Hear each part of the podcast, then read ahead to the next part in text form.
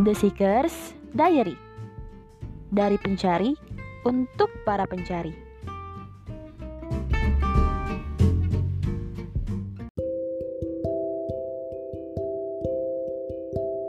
Assalamualaikum The Seekers. Alhamdulillah, balik lagi di episode 2 Gimana nih kabarnya? Semoga selalu baik-baik aja ya. Oh iya, sebelumnya The Seekers Diary mau ngucapin banyak-banyak terima kasih atas antusiasme kalian di episode perdana kemarin. Nah, kali ini di episode 2 ada Susi dan dan ada Septi. Assalamualaikum The Seekers. Oh iya The Seekers, hari ini kita mau bahas apa udah pada tahu belum? Yang udah pada pantengin IG-nya The Seekers, insya Allah udah pada tahu ya hari ini judulnya tuh di episode kedua apa. Nah, episode kedua kali ini judulnya tuh pemberi harapan palsu. Nah, sebelum kita ngobrol atau cerita, dengar cerita dari narasumber kita kali ini, gue nanya dulu deh sus sama sedikit aja dulu tuh waktu masa-masa SMA gitu tuh lo punya harapan apa sih? Oh, kalau harapan gue ya, Sep. Harapan gue itu waktu SMA gue pengen bisa kuliah di univ ternama, tuh yang populer. Terus abis itu kalau udah gue mau kuliah yang pinter terus gue dapat kerja di kerjaan yang bonafit kalau misalnya udah kan gajinya banyak ya gue jadinya bisa jalan-jalan gue bisa shopping gue bisa bahagian orang tua gue. Ya semua keperluan hidup gue jadinya terpenuhi gitu deh. Kalau lo sendiri gimana Sep? Kalau gue pribadi sih sama kali ya sus kayak lo gitu uh, harapannya. Dan gue rasa sih harapan semua anak sekolah waktu itu tuh sama gitu loh. Kayak kita tuh pengen lulus terus langsung kuliah di salah satu universitas yang kita pengen terus bisa dapat kerjaan yang mapan buat masa depan kita gitu. Nah tapi kalau gue sayangnya gak sih itu udah kodarullahnya gue tuh nggak bisa ngelanjutin kuliah gue dulu pas abis banget lulus sekolah itu gitu kan. Dan memang itu tuh yang kayak bikin gue ngerasa down banget kecewa sih gitu kan. Tapi ya mau gimana gitu loh itu kan udah takdirnya ya. Jadi udah dijalanin aja gitu nah kalau lo sendiri gimana nih sus dari yang lo harapin itu bisa kejadian atau mm, nggak mm, kejadian Wah sama banget Sep, gue juga pernah ngalamin kayak gitu tuh. Gue pernah kepengennya kuliah di sini, totonya malah kuliahnya di situ. Gue pengen kerjanya di sini, eh malah kerjanya di situ. Sempet hampir hopeless gitu deh, pokoknya apa yang gue pengen tuh kadang seringnya nggak sesuai rencana gitu, parah. Pas banget nih Su sama judul episode kita kali ini soal harapan. Kali ini ada yang mau cerita nih soal memberi harapan palsu. Yuk kita panggilan aja narasumber kita hari ini. Mila, Mil. Assalamualaikum warahmatullahi wabarakatuh. Ngomong-ngomong tentang hiburan, siapa sih yang nggak butuh hiburan? Apalagi anak-anak muda kayak kita gini. Yang kerjaannya tuh ya seputar nonton film, nonton drakor, nonton konser, dengerin musik. Pokoknya all about entertainment deh. Karena di saat-saat itulah kita punya banyak masalah. Kita baru mencari jati diri. Dan hiburan tuh sangat-sangat membantu kita untuk merefresh pikiran kita. Ya gak sih? Termasuk diri gue yang dulu. Hiburan gue adalah K-pop. Gue kenal K-pop dari tahun 2009 sekarang 2019 berarti sudah 10 tahun gue kenal K-pop. Dan ya bener-bener hidup gue berisi dengan K-pop Oh, jadi lo tuh sebenarnya mirip anak-anak zaman sekarang ya, Mil. Cuma lo kan udah lumayan lama tuh kenal K-popnya. Nah, boleh ceritain nggak keseharian lo tuh gimana? Iya, iya, bener banget, Sep. Jadi di saat anak-anak muda lain, orang-orang di bulan Ramadan pada apa ya memperalim diri gitu kan kayak sholat makin rajin baca Al-Quran sampai khatam terus sholat taraweh apa segala macem. Cuma gue ngerasa kayak wah kok gue kebalikannya banget ya? Gue tuh ya apa ya pagi pas sahur gue nonton MV terus pas maghrib kan banyak tuh drama-drama Korea yang lucu-lucu gue nonton. Terus pas abis sholat taraweh gue lanjut tuh yang 101 itu kan bener-bener tuh bias gue semua kan di sana. Wah segila itu deh gue. Terus sampai tuh waktu itu wallpaper HP gue tuh dipasang mereka semua gitu bener-bener ya opa gitu bener-bener. Uh maniak banget gitu kayak mereka segalanya gitu. Sampai uh, ada di saat di mana pas gue ini throwback lagi ya di tahun 2012 tuh jadi gue lagi sakit parah-parahnya sakit tipes. Dan itu tuh bener-bener titik terlemah gue. Gue yang nggak bisa jalan nggak bisa bergerak sedikit pun tuh kayak lemes banget gitu loh kayak sakit yang sesakit-sakitnya orang gitu gimana sih gitu. Nah pas banget waktu itu gue ngerasa kayak kayaknya waktu gue udah sebentar lagi deh. Kayaknya wah udah nih kayaknya gue udah lemah banget udah nggak bisa ngelanjutin hidup lagi gitu kan. Gue udah ngerasanya tuh udah mau mati gitu. Nah tapi ada satu hal yang motivasi gue waktu itu di tahun 2012 itu. Jadi di tahun 2011 Desember itu ada boyband yang mau debut. Berinisial tiga huruf. Tahu lah ya siapa. Pokoknya yang terkenal banget sekarang gitu kan. Nah gue tuh udah ngikutin banget tuh teaser-teasernya mereka. Terus gue langsung inget dong waktu sakit itu langsung inget. Hah mereka aja baru mau debut nih. Mereka aja mau baru mau tayang di TV Ibaratnya gitu kan.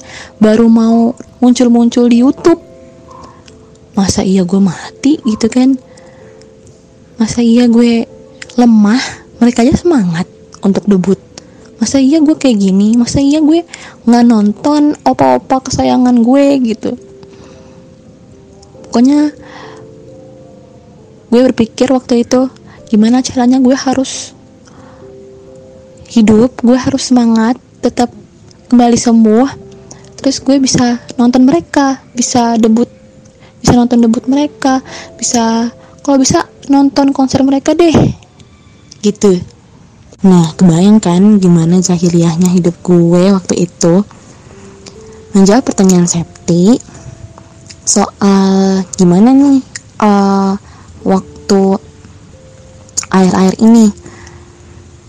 Nah, jadi air-air ini tuh gue goalsnya udah mulai berubah tuh kemarin. Jadi goals gue sekarang adalah untuk menjadi karyawan startup unicorn jadi emang gue tuh waktu kuliah waktu awal gue kuliah bener-bener mimpi gue adalah masuk ke startup-startup besar. Dan action yang gue lakukan adalah untuk pokoknya harus magang di setiap semester. Dan yes bener-bener terjadi tiap semester gue interview. Kira-kira wah udah gue udah lupa pokoknya banyak banget perusahaan yang gue datengin mulai dari yang antah berantah sampai yang besar besar kira-kira uh, five startup terbesar tuh five top startup tuh gue udah pernah interview di sana. Dan alhamdulillahnya setelah lulus gue akhirnya berhasil masuk jadi karyawan. Walau awalnya magang dulu. Alhamdulillah banget. Dan di sana alhamdulillahnya juga gue sangat sangat sangat banyak belajar banyak hal.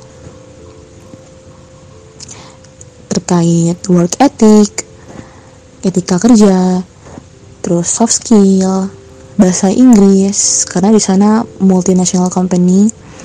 Jadi kayak um, bukan multinational company sih lebih ke multicultural company kali ya.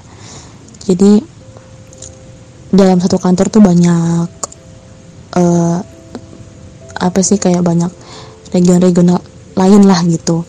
Jadi gue diharuskan untuk bisa berbahasa Inggris dengan lancar gitu.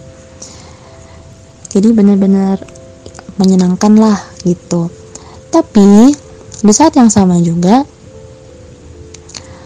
gue menemukan uh, titik balik hidup gue. Apa itu?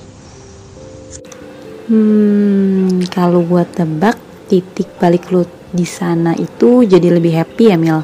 Kan dapat apa yang lu pengen tuh. bukan bukan sep bukan yang itu jadi titik balik gue lebih ke nih gue ceritain jadi setelah gue bekerja di sana gue nyemplung langsung gue ngerasain rasanya jadi karyawan startup unicorn akhirnya um, gue menemukan suatu perasaan di mana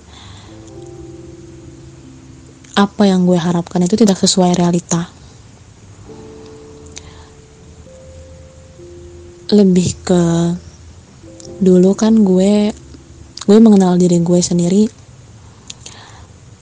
Apa ya?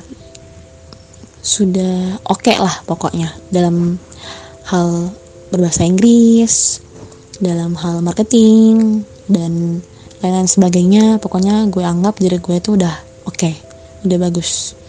Nah nyatanya saat gue masuk ke sana bener-bener di sana tuh orang-orang hebat semua. Gue belajar banyak banget dari mereka tapi di saat yang sama karena mereka terlalu hebat gue merasa gue minder waktu itu. Dan akhirnya gue banyak ngelakuin kesalahan banyak ngelakuin mistakes ngecewain banyak orang dan itu berujung kepada uh, adalah salah satu rekan kerja gue yang mengkritik gue secara belak-belakan dan akhirnya uh, dia menjauhi gue. Dan dari situlah itu titik balik sih. Kayak bener-bener uh, gue tuh kayak ditampar bolak-balik bahwa ya lo tuh bukan siapa-siapa mil gitu. Lo tuh jangan sombong dulu. Lo tuh harus belajar banyak hal. Belajar dan uh, bener-bener apa ya bener-bener belajar gitu. Belajar dari kesalahan gitu. Dan itu bener-bener nampar gue.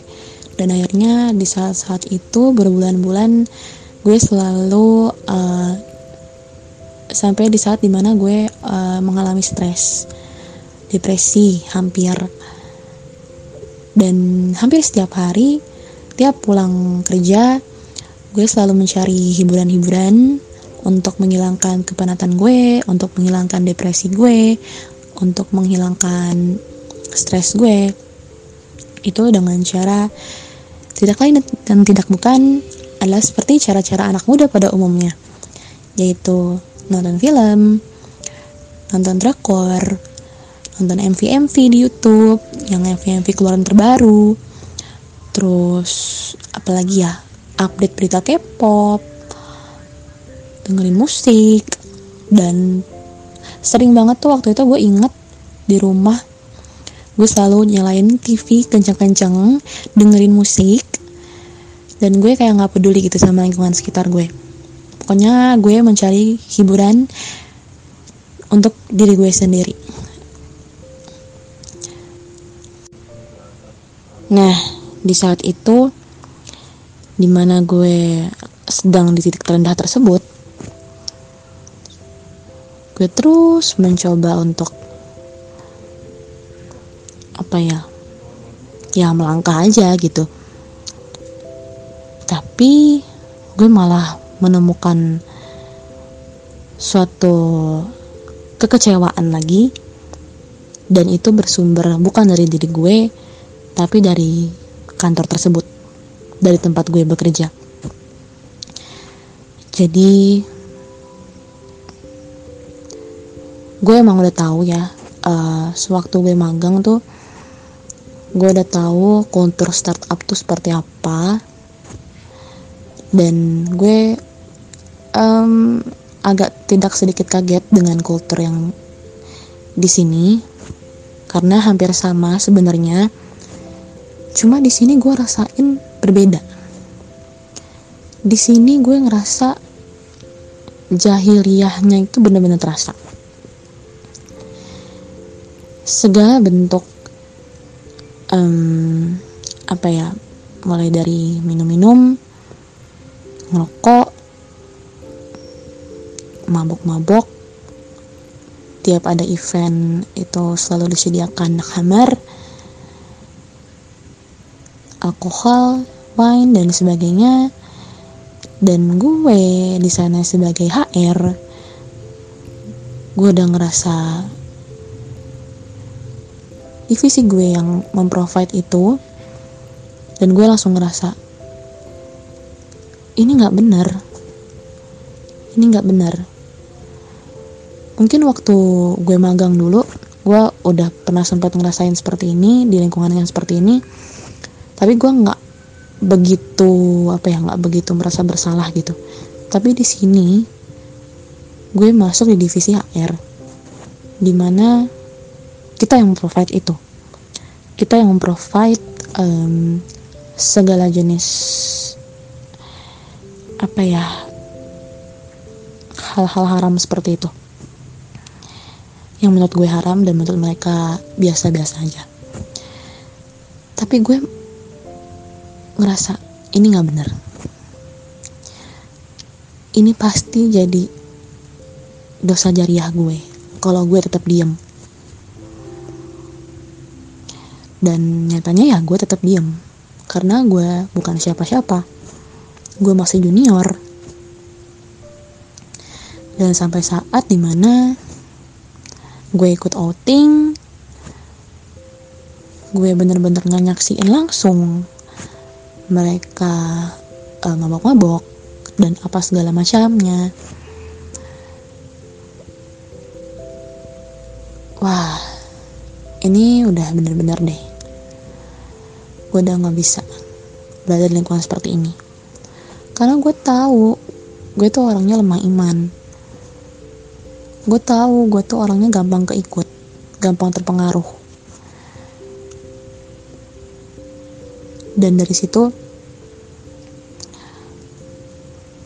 gue bener-bener udah nih kayaknya gue bener-bener udah dikecewakan berkali-kali lipat di sini.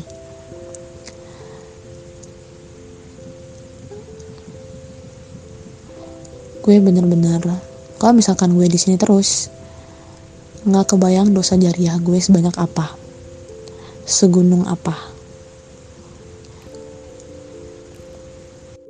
Dan sebenarnya masih ada satu cerita lagi di kantor gue.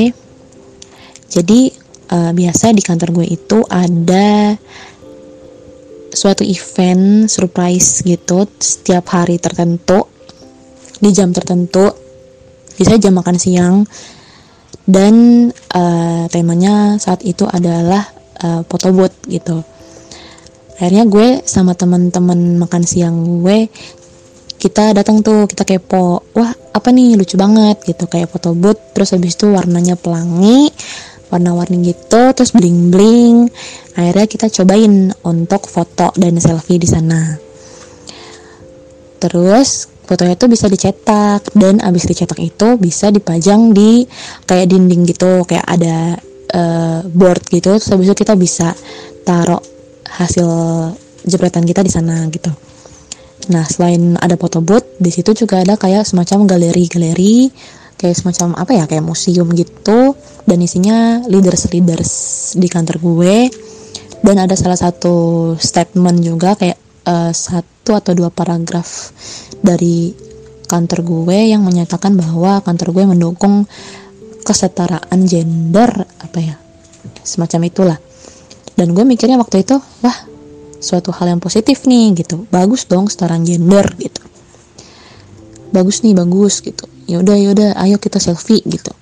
Akhirnya kita selfie foto apa segala macam kita ikut berkontribusi di sana dan akhirnya kita panjang uh, foto kita di sana eh terus pas pulang tahu-tahu di perjalanan tuh gue lagi scroll scroll di sosmed eh taunya nemu salah satu postingan yang viral taunya diposting oleh leaders di kantor gue. Jadi dia itu menyatakan bahwa kantor gue sangat mendukung gerakan um, kesetaraan gender, terus habis itu feminisme dan LGBT, pokoknya semacam itu dan sederetannya itulah. Yang bikin kaget itu yang uh, statementnya dia tentang LGBT itu sih. Terus gue kayak wow. Wow. Wow.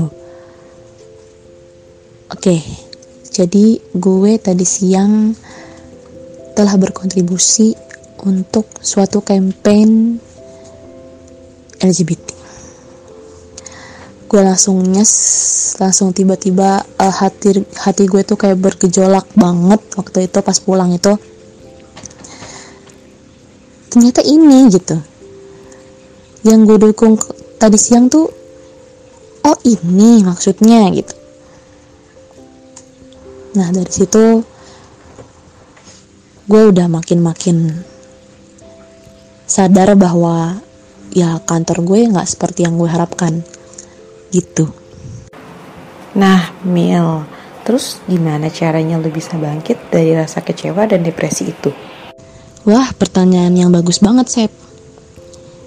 Yes, gimana caranya gue bangkit dari rasa depresi gue? Banyak dari kita, banyak anak muda yang kalau misalkan terkena masalah, punya problem, dan udah give up dengan ngobrol cuma ke teman-teman sekitar dan gak ada solusinya, pasti dari sebagian besar dari kita um, pergi ke psikolog atau ke psikiater. Gue pun juga gitu. Jadi gue dulu tuh kemarin tuh sempet hampir uh, mengontak salah satu psikiater atau psikolog ya yang pokoknya untuk meng, untuk konsul lah gitu. Dan tapi uh, tahu-tahu kayak nggak jadi gitu. Dan malah malahan ya gue tiba-tiba ke masjid. Ke masjid uh, masjid deket deket kantor gue ya kalau nggak salah. Pokoknya gue datang aja. Kayaknya gue pengen nyoba ngaji deh. Yes benar gue anak lembaga dakwah kampus. Tapi gue belum pernah datang pengajian uh, atas dasar keinginan diri gue sendiri.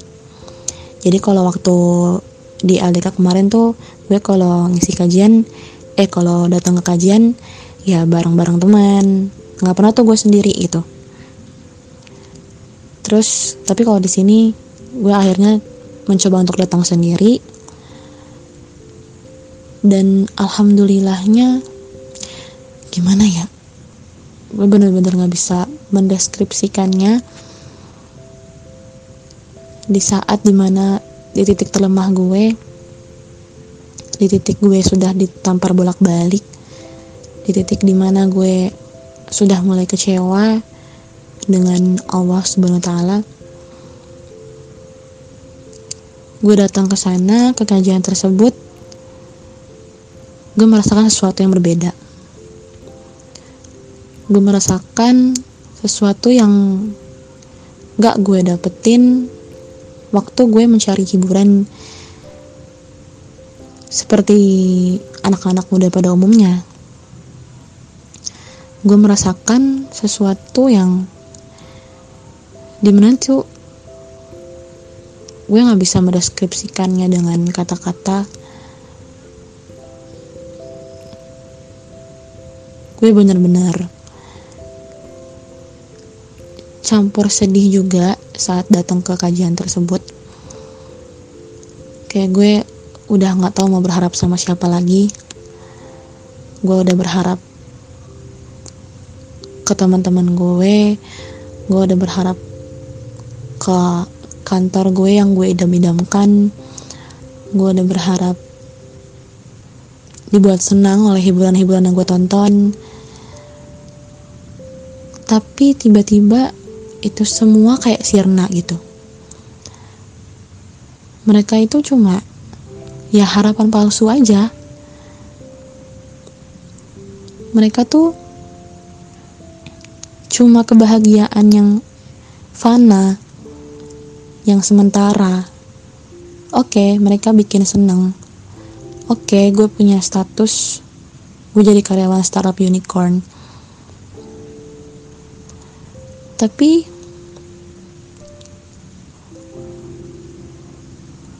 gue jadi kayak oke okay, gue magang di tempat-tempat keren di mana teman-teman gue belum pernah merasakan di tempat seperti itu dan segala apa ya yang gue harapkan benar-benar bisa membahagiakan diri gue yang gue harapkan bisa itu adalah goals gue itu adalah yang gue kejar. Tapi nyatanya tuh enggak sama sekali. Gue langsung keingat uh, di salah satu kajian uh, waktu itu gue datang ke kajiannya Ustadz Hanan Ataki. Dan temanya adalah jadi uh, ustadznya tuh ngomong gini. Kalau kalian berharap pada sesuatu berharap pada seseorang berharap pada momen tertentu berharap pada hal-hal duniawi Allah akan jatuhkan rasa kecewa Allah akan jatuhkan kesedihan-kesedihan. Tak lain dan tak bukan tuh biar kalian tuh bisa balik lagi ke Allah. Dan gue bener-bener langsung nyes yang senyes-nyesnya. Ini sebenarnya ini. Gue tuh lagi di tahap ini. Gue di tahap di mana Allah tuh nampar gue bolak-balik. Gue tuh gak seharusnya berharap seperti itu. Gue gak seharusnya mengharapkan sesuatu merencanakan sesuatu yang pada akhirnya sebenarnya lagi-lagi Allah yang mengatur semua itu. Lagi-lagi Allah yang tahu mana yang terbaik untuk kita kita nggak boleh keras kepala. Kita nggak boleh seuzon juga sama Allah ketika impian kita tidak dikabulkan gitu. Karena ya kalau kita berharap terus kita tiba-tiba dapet nih. Tapi ya Allah akan jatuhkan kesedihan pada kita Allah akan bikin objek yang kita harapkan itu itu tuh nggak ada bagus-bagusnya. Objek yang kita harapkan itu itu tuh ya cuma sekedar objek doang. Mereka tuh nggak bisa jadi objek yang bisa membahagiakan kita yang sebenar-benarnya bahagia gitu enggak nah terus buat yang penasaran si suka K-pop nggak Nah, jawabannya adalah sebenarnya kalau dibilang suka atau nggak suka, gue masih suka. Tapi lebih ke apa ya? Itu kan K-pop kan uh, gue ngelihatnya sebagai kebahagiaan ya. Maksudnya kayak gue nyari hiburan tuh uh, di K-pop gitu. K-pop tuh adalah pelampiasan gue ketika gue stres gitu. Ketika gue lagi sedih ketika gue lagi murung apa segala macem gue ke larinya ke K-pop gitu. Nah sekarang gue ngerasanya semenjak ngaji ya semenjak entah mengapa gitu kayak kok kayaknya kebahagiaan gue bukan di K-pop lagi gitu. Kebahagiaan gue udah berpindah rasanya. Dari yang tadinya kayak gue bahagia banget gitu nonton MV gue bahagia banget nonton drama Korea gitu kan. Berjam-jam maraton gitu kan kayak anak-anak muda yang di kereta tuh. Gue tuh kayak gitu. Tapi sekarang pas ngeliat lagi loh kok kok biasa aja ya? Kok kayak zong aja gitu terus gue dengerin lagu coba dengerin lagunya mereka lagi. Kok rasanya biasa aja ya? Nggak terlalu menghibur gue gitu. Nggak terlalu yang memberikan healing bagi jiwa gue gitu. Itu sih yang gue rasain. Dan sebenarnya hmm, ya hikmahnya itu tadi gitu. Bahwa ya sebenarnya memang segala hiburan yang ada di dunia ini itu adalah hiburan yang fana gitu. Menghibur sih menghibur. Misalkan kita stres ke bioskop nonton film. Menghibur cuma ngerasa nggak sih menghiburnya tuh cuma kayak sewaktu film itu ditayangkan doang gitu. Sejam dua jam itu doang. Terus abis lu pulang ke rumah udah nggak berasa lagi hype-nya gitu. Kayak ya udah nyes nguap gitu aja gitu. Ya nggak sih? Gue sih ngerasanya kayak gitu ya. Jadi hiburan-hiburan yang seperti itu itu cepat nguapnya. Itu cepat hilang itu cepat sirna. Ya karena memang pada dasarnya hiburan-hiburan seperti itu adalah hiburan yang fana hiburan yang sementara dan gue baru merasakan kebahagiaan yang atau bisa dikatakan hiburan ya hiburan yang hakiki. Itu adalah dengan mengkaji Islam dengan lebih dalam. Itu sih. Dan terakhir tuh Ustadz Hanan bilang di saat kita berharap pada sesuatu di saat kita bergantung pada sesuatu selain Allah maka di saat itulah kita lemah. Tetapi di saat kita menggantungkan semua masalah kita, semua kepedihan-kepedihan kita, semua problematika hidup kita yang gak kelar-kelar, itu langsung ke Allah kita curhatin, langsung di atas sajadah. Di saat itulah kita juga kuat. Sekian dari gue. Mungkin teman-teman bisa ngambil ibrohnya bisa ngambil manfaatnya bisa ngambil hikmahnya. Bahwa ya kita cuma manusia yang cuma bisa berencana. Kita cuma manusia yang cuma bisa berekspektasi. Tapi yang nentuin nyataannya seperti apa realitasnya seperti apa yang baik bagi kita itu seperti apa itu lagi-lagi Allah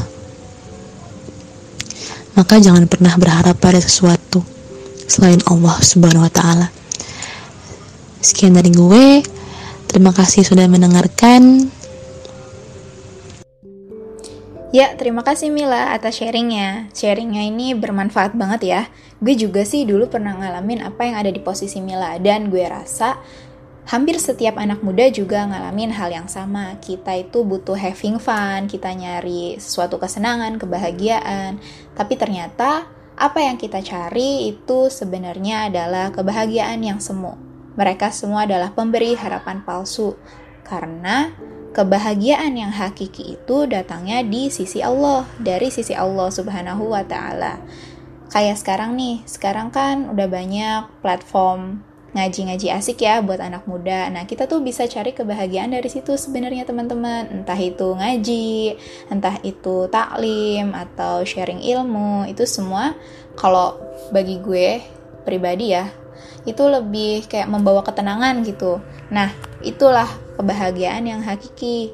Kalau misalnya dari Al-Qur'an nih ada di surat Ar-Ra'du ayat 26 yang artinya Allah melapangkan rizki bagi siapa yang dia kehendaki dan membatasi bagi siapa yang dia kehendaki.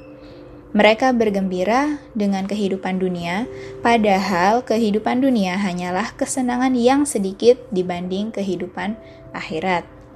Selanjutnya ada di surat Al-Isra ayat 83 yang artinya Dan apabila kami berikan kesenangan kepada manusia, niscaya dia berpaling dan menjauhkan diri dengan sombong. Dan apabila dia ditimpa kesusahan, niscaya dia berputus asa.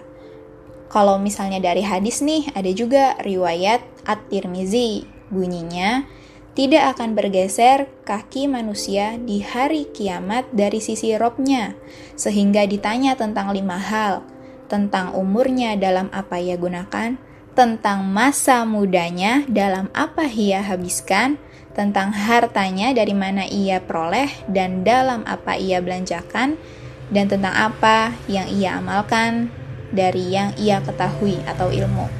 Jadi gitu sih teman-teman, kesimpulan yang bisa diambil dari episode 2 kali ini.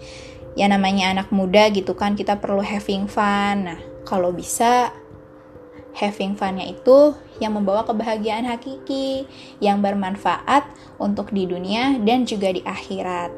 Jangan sampai kita terpukau nih sama kebahagiaan kebahagiaan yang kita anggap kekal padahal itu sebenarnya cuma semu, cuma pemberi harapan palsu. Oke, gitu dari The Seekers kali ini. Terima kasih teman-teman. Wassalamualaikum warahmatullahi wabarakatuh. Hai The Seekers, terima kasih sudah mendengarkan sampai habis. Jika dirasa bermanfaat, jangan lupa untuk share ke teman-teman kamu ya. Ada pertanyaan? atau saran topik menarik untuk episode berikutnya. Yuk follow Instagram The Seekers Diary dan kontak kita di sana. Sampai jumpa di episode berikutnya.